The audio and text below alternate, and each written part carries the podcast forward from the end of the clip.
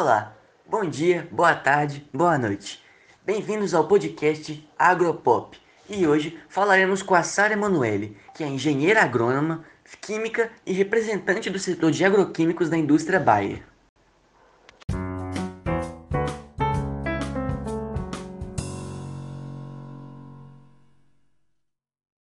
Olá, Arthur!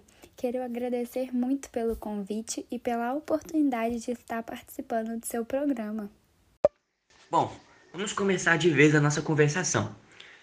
Em março do ano passado, foram publicados o registro de 118 novos agrotóxicos, sendo que 84 desses seriam destinados para a agricultura e 34 para a indústria.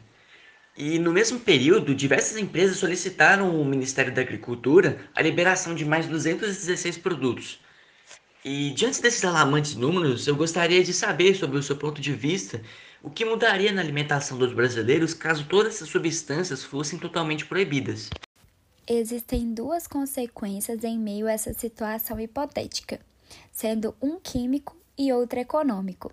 Primeiramente, de um ponto de vista químico, sabe-se muito bem que os defensores agrícolas afastam e exterminam pragas nocivas aos alimentos. E se porventura não for usado tais substâncias, as pragas destruiriam as plantações dos alimentos. Também, como consequência, por um ponto de vista econômico, resultará no aumento colossal do preço do alimento, já que o produto será orgânico e não haverá muitos disponíveis no mercado. Não preciso nem dizer o que acontece com os países que dependem da exportação desses alimentos, né? Muito interessante seu ponto de vista, Sara. E é compreensível que essas substâncias sejam de tamanha importância para o setor do agronegócio.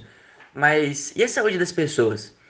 É, por mais importante que seja, não se pode visar produtividade às custas da deterioração da saúde delas. Acho perfeitamente plausível sua linha de raciocínio, Arthur.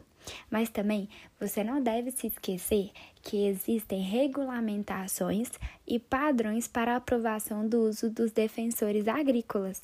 Temos diversos parâmetros a ser seguidos, como o LMR, limite máximo de resíduo. E não só isso, como também estamos sempre sujeitos à fiscalização de órgãos competentes, como vem sendo feito pelo MAPA, através do Programa Nacional de Controle de Resíduos e Contaminantes.